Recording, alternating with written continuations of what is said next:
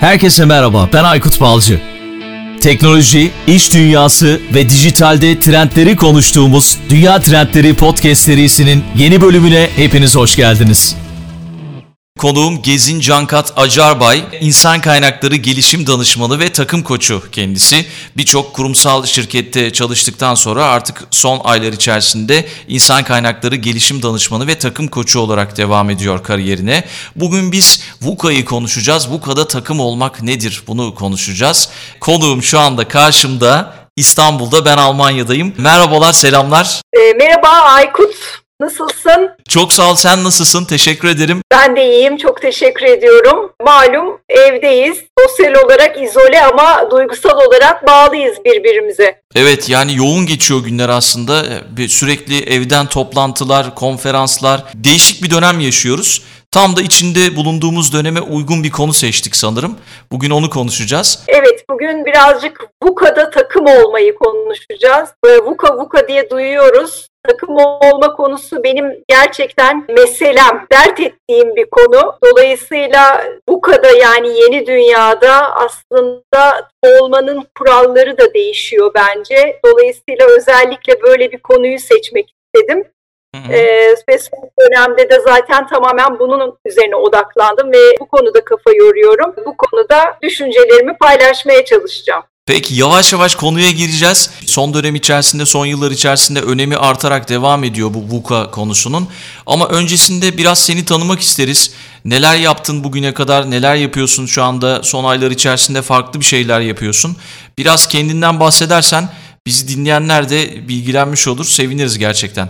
Tabii, çok teşekkür ediyorum tekrar. Ben aslında 20 yıl kadar kurumsal hayatta çalıştım. İnsan kaynakları fonksiyonunda farklı yönetsel rollerde yer aldım. Telekom sektöründe çalıştım. Gözümü telekomda açtım, telekomda kapadım diyebilirim. Bu 20 yıl boyunca aslında şöyle yarı yarıya yani 10 yılı ağırlıklı olarak eğitim ve gelişim süreçleri, kurumsal akademik kurma, yetenek yönetimi gibi süreçleri yönettim. Geri kalan 10 yılında da her iki şirketimde de aslında insan kaynakları iş ortağı olarak çalıştım. Teknoloji ekiplerinin insan kaynakları iş ortağı olarak çalışma fırsatım oldu. Dolayısıyla aslında bu VUCA'yı şekillendiren ve dijital dönüşüme de yön veren ekiplerle çok yakından çalışma fırsatım oldu. Onları gözlemleme fırsatım oldu. Son 5 aydır da klişe tabiriyle masanın diğer tarafındayım. Artık danışmanlık yapıyorum. İnsan kaynakları alanında kurumlara, farklı İK süreçleriyle ilgili destek olmaya çalışıyorum. Özellikle dijital dönüşüme insan kaynakları süreçlerini nasıl uyumlandırabilirler bu konuda destek vermeye çalışıyorum. Ayrıca takım koçluğu yapıyorum. Takım koçluğu aslında benim için yeni değil. Zaten kurumsal hayatta çalışırken de bu konuda kendime bir yatırım yapmıştım. Takımlarla çalışıyordum. Buna da birazdan gireceğiz detaylara zaten nedir bu takım koçluğu diye. Şu an danışmanlık tarafında da yine takım koçluğu çalışmalarım da devam ediyor. Harika, süper bir kariyer. Bugün de gerçekten bilgilerinle bize çok yarar sağlayacaksın diye düşünüyorum. Şimdi son dönem içerisinde özellikle değişim, dönüşüm bu kelimeler çok fazla karşımıza çıkıyor. Günümüzde tam bir dijital dönüşüm yaşıyoruz. Az önce de bu dijital dönüşümler konusunda çok fazla deneyimin olduğundan bahsettin. İşte kuruluşlar bu dönüşümün içinde hayatta kalmak ve pazarlara liderlik etmek için her alanda süreçlere adapte olmak zorundalar. Ve içinde bulunduğumuz sürece de adapte olmaya çalışıyorlar. İşte çalışanlar, müşteriler, tedarikçilerle ilişkileri belirleyen değişkenlik, belirsizlik, karmaşıklık ve muğlaklık anlamına gelen bir kısaltma olan VUCA olarak biliniyor. Ve biz bugün VUCA'yı konuşacağız. Daha doğrusu VUCA'da takım olmak ne demek bunu konuşacağız. İlk olarak e, takım koçluğu yaptığın için takım koçluğu ile ilgili konuşalım istersen. Daha sonra da VUCA'da takım olma konusuyla ilerleyelim. Biraz bu takım koçluğundan bahsedebilir misin bize? Tabii. Az önce söylediğim gibi aslında benim takım koçluğu yolculuğum 9 yıl önce başladı. 9 yıl önce kendime belki de bugüne kadar yaptığım en akıllıca yatırımı yaptım. Gelişim programına katıldım, sertifikasyon programına. Organizasyon ve ilişki sistemleri koçluğu adı verilen, kısaltması da ORSK diye geçen bir programa katıldım. Bu program aslında Uluslararası Koçluk Federasyonu'nun akredite ettiği ICF, International Coaching Federation'ın akredite ettiği bir program. Ve bu programa katıldıktan sonra aslında gerçekten hayatım biraz değişti diyebilirim. Takım koçluğuyla tanışmam bu şekilde oldu. Orsk aslında şunu söylüyor, özünde bireye odaklanan klasik anlayıştan biraz daha farklı Orsk'un söylemek istediği. Birlikte var olan takım ve çiftlere koçluk yapmak burada amaç aslında. Ve tek bir şey var aslında savunduğu, ben bunu çok seviyorum yani kendi hayat mottom olarak bile kullanıyorum. Herkes haklıdır, kısmen haklıdır diyor. Yani aslında herkesin bambaşka perspektifleri olduğunu, bir takımı oluşturan bireylerin farklı farklı pencerelerden baktığı müddetçe aslında o takımın verimliliğini arttırabileceğini söylüyor. Bu model kimin ne yaptığına değil aslında yani takımı oluşturan bireylerin her birinin ayrı ayrı ne yaptığına değil, bu ilişkide şu anda ne oluyor, ne bitiyor ona odaklanıyor ilişkileri de aslında bir varlık olarak konumluyor. Yani işte bir ilişki düşünün. A kişisi var, B kişisi var. Bir de ilişkinin kendisi var. Yani biz buna hatta üçüncü varlık da diyoruz ilişkiler için, sistemler için. Dolayısıyla Orsta tamamen bireyden bağımsız olarak ilişkiye odaklanıyor ve şu anda bu ilişkide ne oluyor? İşte bu evli çiftin arasında ne oluyor ya da bu takımın takımda şu anda ne, ol, ne oluyor ya e, odaklanıyor ve tek bir parça olarak görüyor takımı ve sistemi ve ekibin kendisinin yaratmış olduğu ilişki sistemine odaklanıyor aslında. Birazcık şu anda karmaşık gelebilir ama yani özetle şunu söyleyebilirim. Bir takımı, bir sistemi oluşturan parçaların ve bireylerin teker teker ne yaptığına değil, o sistemde o anda olup bitene odaklanan bir e, olgu, bir kavram bu ORS ve takım koçları yetiştiriyor. Bu böyle uzun soluklu bir gelişim programıydı. 6 aya yayılan bir programdı. Ben de gittim, tamamladım ve sonrasında da e, bir şekilde kolları sıvayıp direkt e, işe girişmek istedim. O dönemde çünkü bir önceki kurumumda çalışıyordum ve etrafımda çok fazla sayıda takım ve sistem vardı baktığınızda. Dolayısıyla onlarla çalışma fırsatı buldum. Peki şeyi soracağım. Yani birebir yönetici koçluğu yaptın mı? Ee, öyle bir şey denedin mi?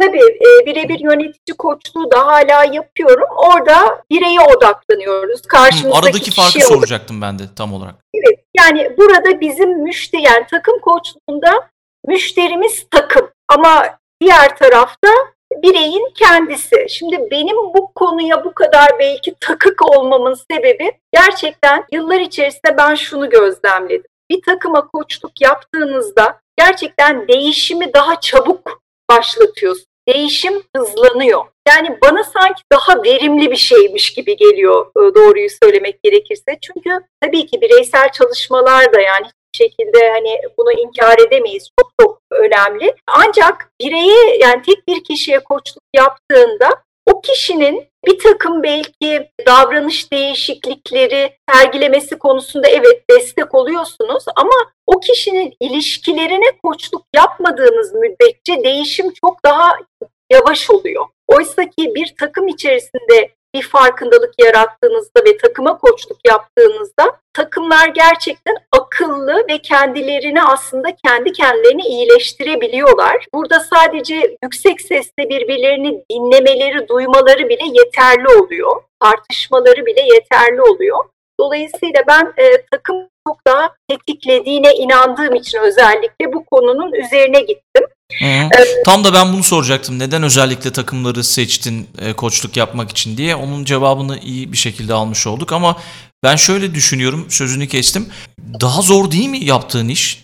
Yani ben birebir yönetici koçluğunu tercih ederdim, bilmiyorum kendi açımdan. Hani e, ikisinin de farklı gerçekten hani e, kişiye sağladığı tatmin duygusu çok farklı. Ben takımlarla çalışmayı çok seviyorum. Dediğim gibi belki daha çabuk, daha kısa sürede ve daha değer katan sonuçlar gördüğüm için böyle düşünüyorum. Bence daha zor değil. Bence hatta daha eğlenceli ve daha renkli. Bana öyle geliyor. Bu arada bir şey daha eklemek istiyorum. Takım koçluğunda böyle hani iyi, kötü, işte gelişim alanı, yok takımın kuvvetli alanı vesaire gibi böyle klişe kavramlarda çok fazla kullanmıyoruz. Her şeyi aslında kabul ediyoruz takım koçları olarak ve bize düşen orada aslında takımı gözlemlemek, ne olup ne bittiğini anlamaya çalışmak ve doğru sorularla ve doğru fasilitasyon araçlarıyla takıma aslında doğru ıı, takımı doğru davranışa doğru, doğru stratejiye doğru yönlendirmek. Yani bizim yaptığımız şey bu. Anladım. Peki biraz yavaş yavaş konuya girelim istersen.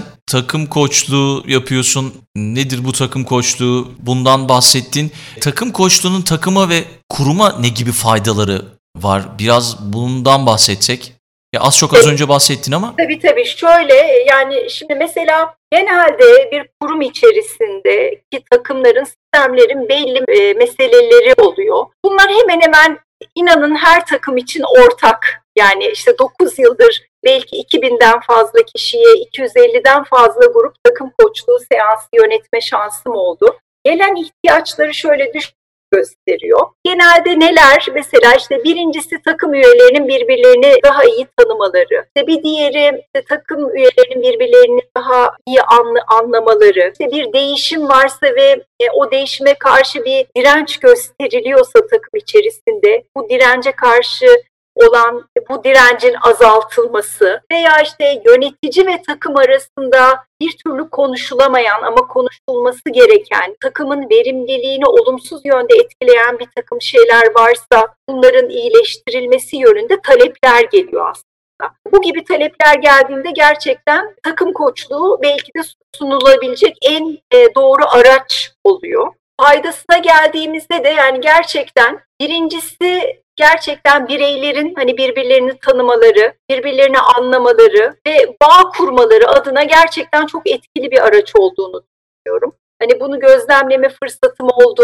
Çünkü dediğim gibi bir önceki kurumumda başladım ben takım koçluğu yapmaya. Dolayısıyla sadece danışmanlığını verip gitmiyordum. Hani dolayı o takımı gözlemliyordum da sonrasında ne oluyor, ne bitiyor diye ve gerçekten takım koşulları çok büyük hani kültürel gelişimlere imza attığımızı söyleyebilirim. Dolayısıyla kültürü bir kere değiştirmek konusunda, olumlu anlamda değiştirmek konusunda çok etkili olduğunu düşünüyorum. Kişilerin bağ kurması, birbirlerini anlaması, cesur bir şekilde cesur itiraflarda bulunarak aslında doğru yolu bulmaları konusunda takım koçluğunun çok büyük faydaları olduğunu düşünüyorum. Bir önceki bölümlerde VUCA'nın tanımını yapmıştık biz. İşte 2000'li yılların başında Amerikan ordusu tarafından ortaya atılan VUCA, yaşantımızı ve hatta iş hayatlarımızı tarif eden, dünyamızın içinde bulunduğu değişimi ortaya çıkaran bir kelime, ortaya koyan bir kelime. İşte podcast'in ilk başında açılımını yaptım. Değişkenlik, belirsizlik, karmaşıklık, muğlaklık ve içinde bulunduğumuz dönemde tam buna uygun çok hızlı değişen bir dünya var, bir yapı var. Mesela örnek verelim. Teknolojinin değişim hızına ayak uyduramıyoruz. Yeni piyasaya çıkan bir cep telefonu modeli artık bir yıl sonra eski model haline geliyor. Ve bu da sektördeki rekabeti, değişkenliği arttırıyor. Yani hızını doğrudan yaşantımızda hissedebiliyoruz bunun. Diğer yandan da işte şu anki durum belirsizlik durumu ve bu belirsizlik durumuyla birlikte iyi ve verimli bir takım nasıl olunur? Böyle durumlarda nasıl iyi ve verimli bir takım ortaya çıkar? Bundan bahsedebilir misin biraz? Ve senin parçası olduğun bir takımın bize özelliklerinden bahsedebilir misin? Tabii. Şimdi dediğin gibi aslında yani işte globalleşme, dijitalleşme, ticari savaşlar, ülkeler arasındaki ticari savaşları e, vesaire düşündüğümüzde artık çok farklı bir dönemden geçiyoruz. Bu VUCA kavramıyla hepimiz tanıştık. Hatta şu anda işte bu e, VUCA biliyorsunuz dört tane İngilizce kelimenin kısaltılmış hali işte e, volatile, uncertainty, complexity ve ambiguity. Şimdi buna buna farklı bir şekilde yaklaşanlar da var. İşte bu değişken ortamı, volatile ortamı vision'la yani vizyonla çözebilirsiniz diyorlar. Mesela dolayısıyla yani bu hem yöneticilere hem de takımlara bir tavsiye aslında. Bu değişken ortamı gerçekten hani kurmak istediğiniz geleceği net resmederek bir şekilde üstesinden gelebilirsiniz diyorlar. Opportunity için mesela understand artık yani işte değişkenler arasındaki bağlı müddetçe aslında bu answer belirsizliğin üstesinden gelebiliriz var. Complexity için aynı şekilde clarity yani bu bulanık ortamı, bu net olmayan ortam, e, şey karmaşık netlikle yani işte yalın ve pratik olarak önemli konulara odaklanarak çözebiliriz diyorlar. Ambiguity kavramını da bu muğlaklık kavramını da aslında agility dediğimiz çevik olmak yani esnek ve çevik olarak çözebileceğimiz söyleniyor. Şimdi ben bu kısaltmayı da çok sevdim aslında bu ikinci kısaltmayı. Yani şöyle bir daha tekrarlamam gerekirse işte vision, understanding, clarity ve agility bu da VUCA'yı oluşturuyor aslında baktığımızda. Bunu çok sevdim. Bu hem yöneticiler için tavsiye edilen bir yöntem hem de aslında takımlar için. Bunları yapabildiğimiz müddetçe aslında takımlar olarak gerçekten bu VUCA dünyasında ayakta kalabilme şansımız daha da artıyor. Şimdi bunun detaylarına biraz daha gireceğim ama e, az önce şeyi de sordun sen. Yani bugüne kadar sen de eminim birçok takımın üyesi olmuşsundur. Evet. Böyle çalıştığın ve çok hani zevk aldığın, çalışmaktan, içinde bulunmaktan zevk aldığın bir takımın oldu mu diye sordum yanılmıyorsam. Evet aynen tam olarak öyle sordum. Oldu gerçekten. Şimdi ben bunu çok önemsiyorum gerçekten. Şimdi bu şeye benziyor. Yani yönetici olmadan, liderlik etmeden yöneticilik eğitimi vermeye benziyor. Dolayısıyla gerçekten iyi bir takımın parçası olmadan da çıkıp takım anlatmak cesaret ister. Ama ben çok şanslıyım ki gerçekten böyle bir takımım oldu yakın bir zamanda hatta e, dolayısıyla çok güzel bir takımın parçası oldum. Bu takımı düşündüğümde ben aslında şöyle bir şey hayal ediyorum yani aklıma geliyor. İşte biz bazı günler haftanın bazı günleri evden çalışabilirdik ve takım arkadaşlarımla birlikte mesela bizde buluşurduk. Böyle e, salonda masanın etrafında otururduk bu takımla ve acayip eğlenerek çalışan bir takımdık ilk başta hani bunu söyleyeceğim. Yani belki hani verimliliğin en önemli unsurlarından bir tanesi eğlenebilmek diyebilirim. Hani birlikte çalışırken eğlenebilmek.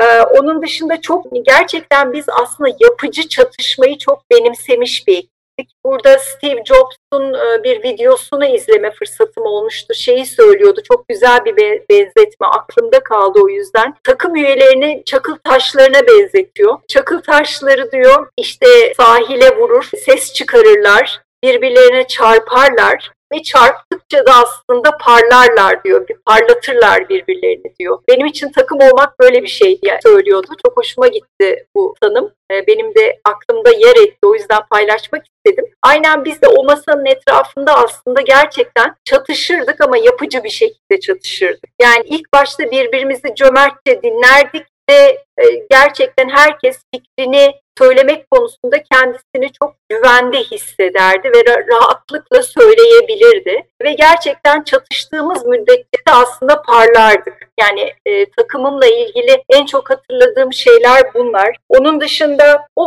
o masadan herkes üzeri en az üzerine bir, bir ya da birden fazla e, aksiyon alarak ayrılırdı. Yani böyle konuşmuş olmak için konuşmazdık. Gerçekten bir değer üretmeye odaklanır. Herkes üzerine bir takım nosyonları alıp çıkardı o toplantıda. E, hala görüşüyoruz tabii bu takımla. Çok da benim için çok değerliler ve bu ta- takımımla birlikte gerçekten çok zorlu bir süreci de yönettik. E, ama hep ne diyoruz? Aslında zorlu zamanlar takımları, sistemleri gerçekten takım yapan zamanlar. Yani işte e, mesela şu anda bile baktığınızda korona gündemiyle birlikte biz bir travma yaşıyoruz. Belki tüm e, global olarak bir travma yaşıyoruz.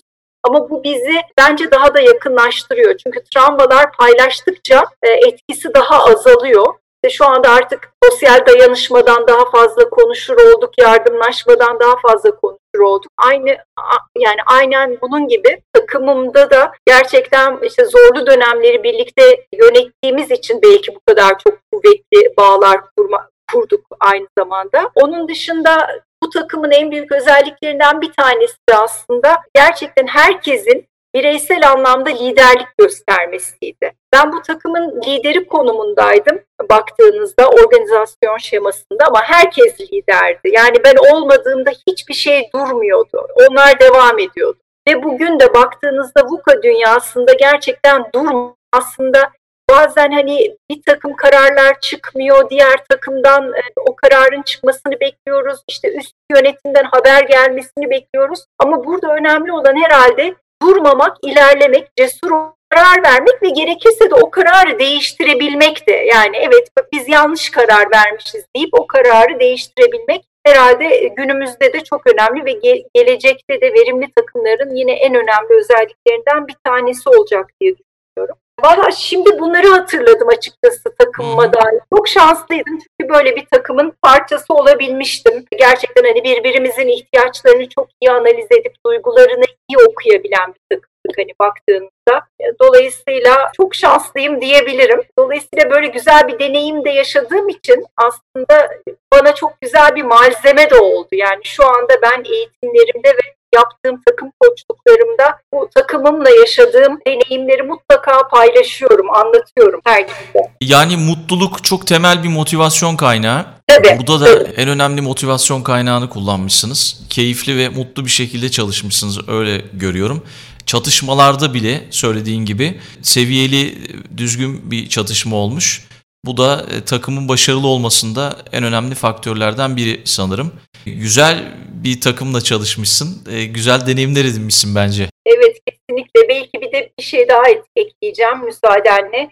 Bir de bu da çok kilit bence iyi bir takım olabilmek için sadeleşme ve özellikle e, kriz dönemlerinde zorlu dönemleri yönetirken bazen biz böyle çok fazla e, kontrolcü olabiliyoruz ister istemez. Ama ne zaman ki biz kontrolü diğerine bıraktığımızda biraz sakinleştiğimizde üzerimizdeki yükleri azalttığımızda gereksiz olan gereksiz demeyeyim de belki öncelikli olmayan ya da çok acil olmayan işleri bir kenara koyduğumuz gerçekten çok daha verimli hareket edebiliyoruz. Bu takımla yani takımımla belki de en iyi yaptığımız konulardan bir tanesi de buydu. Yani bir şeyleri almak değil, ek olarak üzerimize almaktan kurtulmak, bir şeyleri bırakabilmeyi bilmek. Yani az kontrolcü olmak, planı gözden geçirip bazı işleri ertelemek, bunlardan bahsediyorum. Sadelik çok önemli. Peki şu anda aklıma geldi. VUCA kimlerin işine gelmiyor takım içerisinde? Yani VUCA tabii kimlerin işine gelmiyor? VUCA, VUCA deyince aklıma benim ilk gelen kelime değişim ve dönüşüm. Değişim mesela yani ben değişimi mesela şöyle tanımlıyorum. Değişim e, işte benim saçlarım e, şu anda e, sarı. Saçlarımı gidip siyaha boyatabilirim. Bu bir değişim. Çünkü bunun bir geri dönüşü olabilir. Tekrar sarıya boyatabilirim. Ama dönüşüm dönüştüğünüzde gerçekten tekrar eskiye dönemiyorsunuz. Dolayısıyla bu dönüşümden korkanların işine gelmiyor açıkçası ve değişmekten korkanların. Burada işte son dönemde yine çokça kullandığımız biz İK'cıların çok da sevdiği bir terim var. Öğrenme çevikliği, learning agility diye geçiyor. Bildiklerimizi unutmak, yenilerini öğrenmek ve zamanı geldiğinde onları da yine unutup yine yeni şeyler öğrenmek gerekiyor.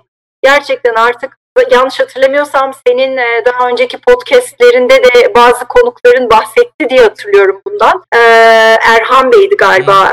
Evet. Erhan, Erhan Bey, Bey bahsetti evet. Değişim ajanı olmak konusundan bahsederken bundan da bahsetmişti. Dolayısıyla o yeniden öğrenmeye direnenlerin işine gelmiyor. Burada gerçekten konfor alanından çıkıp değişmek gerekiyor. Her anlamda yani e, hem davranışsal boyutta hem de yeni bir takım skill'ler, beceriler kazanmak boyutunda değişmek gerekiyor. Bir de kimlerin işine gelmiyor bir de böyle hiyerarşiye çok önem veren, apoletlerini çok önemseyen, özellikle yönetici konumundaki kişilerin işine gelmediği olabiliyor. Çünkü artık bu kadar bahsettiğimiz bir dönemde çevik takımlardan bahsediyoruz esnek, otonom yapılardan bahsediyoruz. Kendi kendine karar alabilen yapılardan bahsediyoruz. Yönetici de tabii takımı kendi kendine karar alsın isteme, istemeyebiliyor. Çünkü o karar verici gücünü, apoletini bırakmak istemiyor. O hani deriz ya koltuğunu bırakmak istemiyor. Aynen onun gibi. Dolayısıyla bu tarz profillerin işine gelmiyor olabilir kap. Peki VUCA'da takım olmak diyoruz. Neden VUCA'da takım olmak? Bunu biraz daha anlatabilir misin bize? Tabii. Şimdi VUCA'da takım olmak diyoruz. Çünkü hani şöyle mesela bir piramit düşünün. Bu piramidin en üstünde şirketin işte e, genel müdürü olsun. Onun altında liderlik takımı olsun. Daha hani senior, kıdemli liderlik takımı. Onun altında aslında daha işleri gerçekleştiren, execution'ı yapan bir yönetim takımı. Ve onun altında da baktığınızda şirketlerin aslında iki temel büyük yapısı var. Business ve IT yani teknoloji tarafı baktığınızda ve yönet, yönetim ekipleri. Şimdi bun, bunlar aslında biz daha çok hani business ve IT'yi tarif ederken eskiden bireylerden bahsederdik ama artık takımlardan bahsediyoruz. Çünkü artık bu çevik takımlarla birlikte şirketler multidisipliner yapılar oluşturmaya başladılar. Yani işte bir ekip kuruyorlar. Bu ekibin içerisinde IT'den de ilgili developer arkadaşımız oluyor. Tester, test eden kişi oluyor. Business'tan işte ürün sahibi arkadaşımız oluyor, pazarlamacı arkadaşımız oluyor, finanstan ilgili arkadaşımız yer alıyor. Yani böyle multidisipliner, e, disipliner, cross-functional takımlar oluşuyor. Dolayısıyla artık gerçekten takım denen şey yani o hani işte şirketlerin ayakta kalıp rekabet avantajı sağlayabilmelerini takımlarının verimliliği aslında sağlayacak. Onun için e, bence çok önemli bu kadar takım olmak. Tabii burada belki şeyi de söyleyebilirim. Yani 21. yüzyıl yetkinliklerine baktığımızda en çok konuşulan evet teknik bir takım yeterlilikler, beceriler var ama işte hala senin içinde duygusal zeka var, liderlik becerisi var. Efendime söyleyeyim birlikte dayanışma ve işbirliği içerisinde çalışabilmek var. Dolayısıyla bunlar 21. yüzyıl yetkinlikleri ise gerçekten hani bunlar çok takımlara da işaret ediyor. Dolayısıyla takımların da hani bu yetkinliklere sahip olması gerekiyor o anlamda. Bir de şeyi söyleyebilirim. 20 yani bu kadar takım olmak aslında bunu da gerektiriyor. Yani biz artık işte bugün en güzel örneğini yaşıyoruz. Ofisten değil evde çalışmaya başladık. Bunun ne olacağına dair de, de, de kimsenin çok net bir öngörüsü yok ama uzaktan çalışma, uzaktan öğrenme gerçekten hani daha da artacak. İşte bugün mesela şirketler artık bu hibrit uzaktan çalışma modelini vesaire daha fazla konuşur oldu. Hani ben webinarlarda falan çok fazla denk geliyorum. İşte acaba hani çalışanlarımızın bir kısmı evden bir kısmı ofisten mi çalışsa, bazı plazalarımızı kapatsak mı şeklinde yaklaşımları oluyor. Dolayısıyla böyle bir dönemde de remote aslında uzaktan çalışan takımlardan bahsediyoruz. Eskiden böyle işte bir derler ona dirsek temasımız vardı yan masada oturan arkadaşımızla ama evet. bu anda biraz daha azalacak belki baktığınızda. Dolayısıyla oradaki teması ve bağı da sürekli canlı tutmak gerekiyor. Dolayısıyla uzaktan çalışan takımlar için gerçekten ayrı bir çalışma sistematiğinin oluşturulması gerekiyor. Bu konuda e, güzel taslak öneriler var e, araştırdığımızda, baktığımızda. Mesela Simon Sinek bu şey e, danışman hepimizin e, şeyden bildiği konuşma, konuşmacı aynı zamanda tanıyoruz kendisini. Kitaplarını da biliyoruz. Onun mesela Huddle diye benim çok sevdiğim bir yöntemi var. Bu Huddle yöntemi şu aslında Simon Sinek'in ekibi tamamen uzaktan çalışan bir ekip. Yani %100 remote diye geçiyor. Herkes kendi time zone'unda kendisi çalışıyor. Bu Huddle'da yaptıkları haftalık olarak mesela haftalık dört kere bir araya geliyorlar. Bu toplantılarda ilk başta işte bu hafta kim neyle ilgileniyor, kimin gündeminde ne var? Bir kere bu konuda herkes birbirini bir e, güncelliyor. Sonrasında hani bugün ne hissediyoruz, duygularımız ne, ihtiyaçlarımız ne, birazcık hani daha duyguları ve ihtiyaçları anlamaya yönelik birbirlerinin hatırlarını da sordukları böyle kısa bir seans yapıyorlar. Daha sonra high five dedikleri bir uygulama var mesela. Burada da işte o hafta mesela ben 5 tane kişi seçip ona teşekkür ediyorum herhangi bir konuda. Bana vermiş olduğu destekten dolayı. Mesela bunu yapıyorlar. Bir de bir soru da şu mesela yani bu hafta yaptığımız şeyleri neden yapıyoruz? Bizim için ne anlam ifade ediyor? Oluşan Hadıl adını verdikleri bir şey var. Yani ben buna taslak diyorum. Mesela bu tarz ritüelleri herhalde artık uzaktan çalışan takımların kendileri içinde yaratmaları gerekiyor. Aksi takdirde hani o, o bağlantıda olmak çünkü çok zorlaşabilir hani uzaktan çalıştıkları için. Zaten içinde bulunduğumuz bu dönemle birlikte bu herkes için, her sektör için gerek eğitim alanında gerekse çalışma sektöründe bir test gibi oldu. Şu anda herkes bu durumu bir test ediyor. Dediğin gibi önümüzdeki evet, günler içerisinde çok daha yaygın hale gelecek bu. Belki de plazalar kapanacak. Şöyle bir durum olmuştu. Bir arkadaşım büyük bir plazada bir finans bir bankanın e, büyük bir plazasında çalışıyor. Ona şey demiştim. Ya artık evden çalışma var. Herkes evden çalışıyor. Sizde böyle bir şey yok mu? Çünkü trafikten yakınıyordu. Çok fazla trafikte zaman geçirdiğinden yakınıyordu. Bazı şirketlerin bunu e, belli günler için yaptığını ama kendi şirketlerinin bunu yapmaya yanaşmadığını, bunun sebebinde şu olduğunu, işte biz buraya koskoca plaza yaptık, o zaman biz bunu niye yaptık gibi bir yaklaşım içerisinde olduğunu söylemişti. Ama gelecek dönemlerde şirketler artık öyle büyük plazalar yapmak yerine belki farklı yerlere aktaracaklar o kaynak. Kesinlikle ben buna katılıyorum. Özellikle e, son dönemde sayısı çokça artan bu paylaşımlı ofisler, ofisleri kiralama şansımız var biliyorsunuz. Ve farklı farklı yani bu, bu bayağı bir sektör oldu aslında. Gidip istediğimiz e, saat aralığında istediğimiz oda, odayı kiralayabiliyoruz. İşte internet bağlantımız, her bir şeyimiz hani bir, yani verimli bir çalışma ortamı için gerekli olan her şeyin bulunduğu, tüm ekipmanların olduğu bu tarz ortamlar, böyle kolektif ortamlar var. Hem oraya gittiğinizde e, aynı şey başkalarıyla konuşma fırsatınız da oluyor, paylaşımda bulunma fırsatınız da oluyor. Bence birçok şirket bu yola doğru gidecek. Yani bilmiyorum hani plazaları e, belki küçültecekler, belki kapatacaklar. Bu hibrit uzaktan çalışma modeline geçilecek diye düşünüyorum. Hem evden çalışma hem de böyle ofis kiralayarak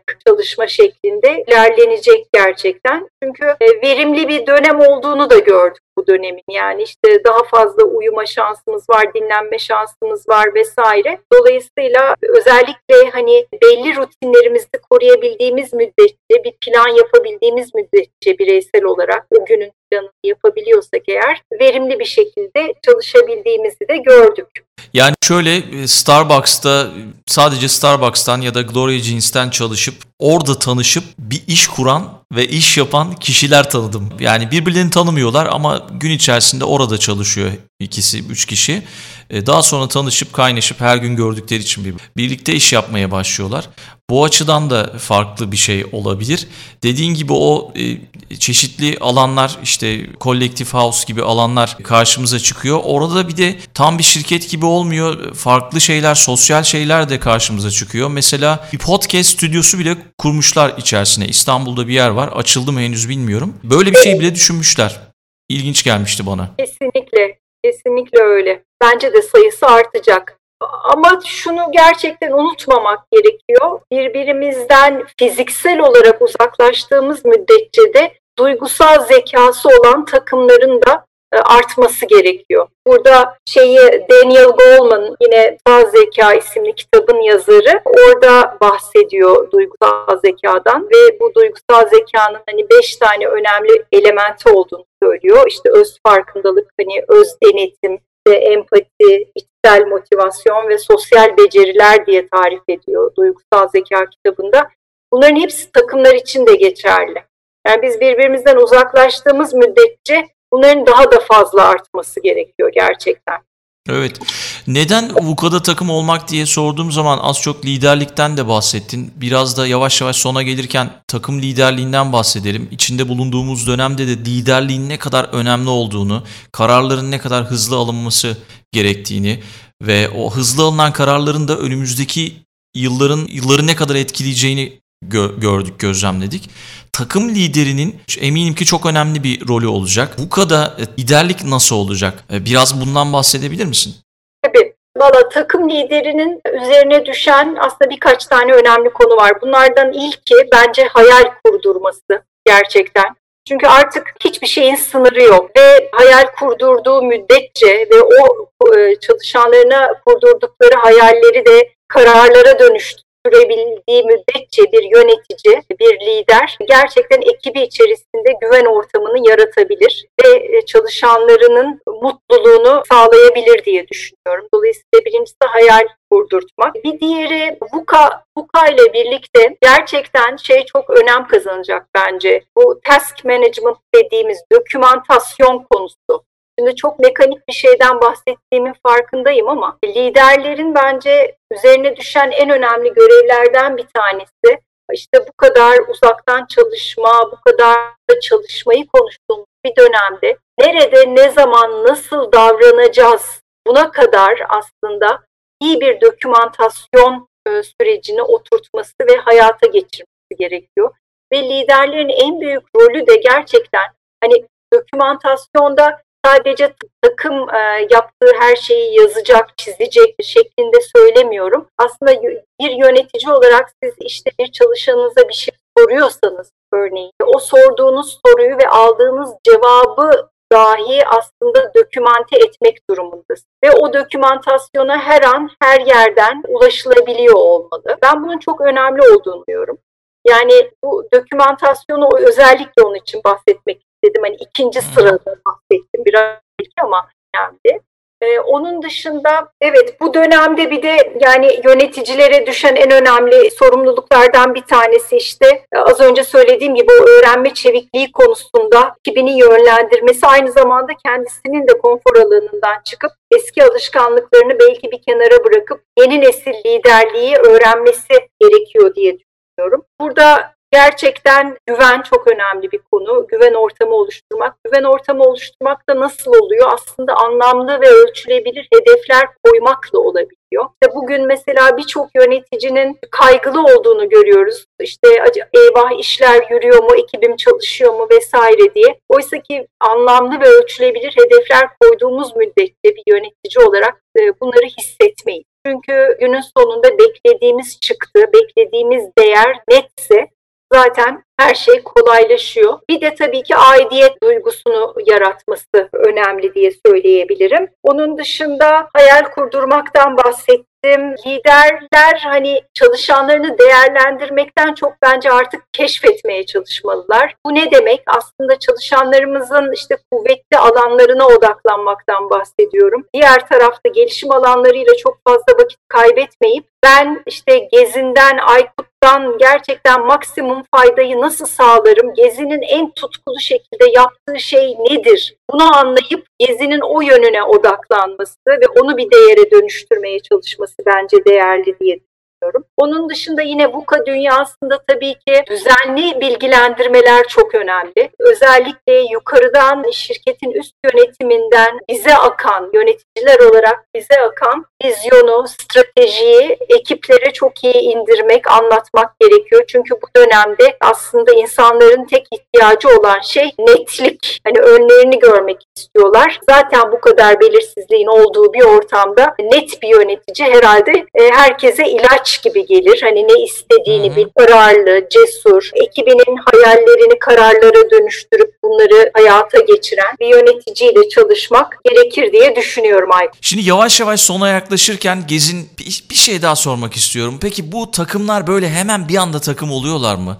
Yoksa bunun bir öncesi, bir sonu ya da bir süreci var mı? Biraz bundan bahsedebilir misin bize? Takımların böyle farklı farklı aslında aşamaları olduğu söylenir. İşte takımın stage diye geçiyor. Burada işte ilk aşama takımın oluşması, forming dediğimiz aşama. İşte burada yöneticinin koçluk yapması, rehberlik yapması çok daha önemlidir. Süreçler yeni yeni oturuyordur. Roller çok belirgin değildir, net değildir. Daha sonraki aşama storming aşaması. Yani işte o birazcık etrafın kızışmaya başladığı, insanların birbirlerinin daha yakından tanıdığı, çatışmaların çıktığı, aslında amacın daha netleşmeye başladığı bir dönemdir. Ancak burada ilişkiler dediğim gibi birazcık daha aslında e, böyle ilişki boyutunda çatışmalar vardır.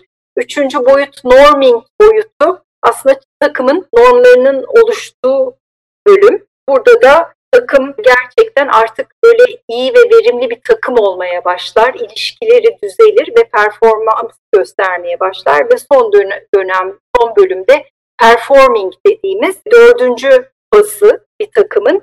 Burada da aslında takımlar gerçekten performans sergilerler ve stratejiye daha da fazla odaklanırlar. Şimdi biz bunu hep böyle bilirdik. Yani bir takım işte ilk başta form eder, sonra form eder, sonra norm eder, sonra perform eder derdik ama VUCA dünyasında aslında bu dört boyutla aynı anda yaşıyor olacağız. Yani e, bir takım kurulacak, kurulurken işte bir takım çatışmalar doğacak. O çatışmalar doğarken belki stratejiyi de eş zamanlı olarak çok daha iyi anlamlandırmamız gerekecek, performans sergilememiz gerekecek. Çünkü her şey çok hızlanıyor. Yani eskiden bir takımın performans sergilemesi için biraz daha orada daha toleranslı olabiliyorduk hani baktığınızda. Ama artık hani her şeyin çok hızlanması ile birlikte bu dört aşama da bence artık böyle aynı anda gerçekleşecek diye düşünüyorum. Peki şöyle kısa bir özet geçeyim. Bu bölümde neler konuştuk, neler yaptık, neler öğrendik? Bu bölümde bu kadar takım olmak bunu konuştuk. Bu kadar takım olmak ne demek? E, takım koçluğu ne demek? Bunu konuştuk.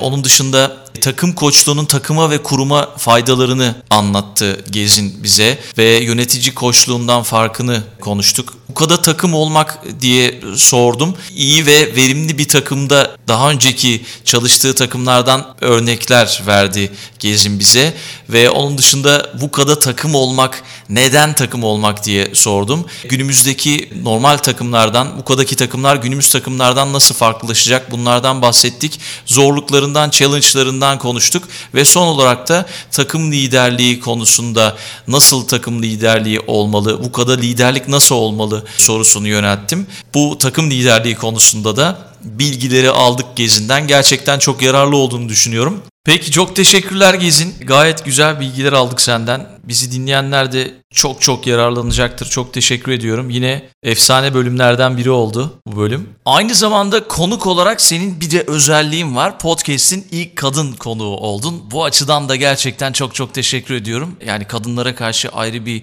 ayrımcılık yapıyorum gibi düşünülmesin. Ama senin bir özelliğin olmuş oldu.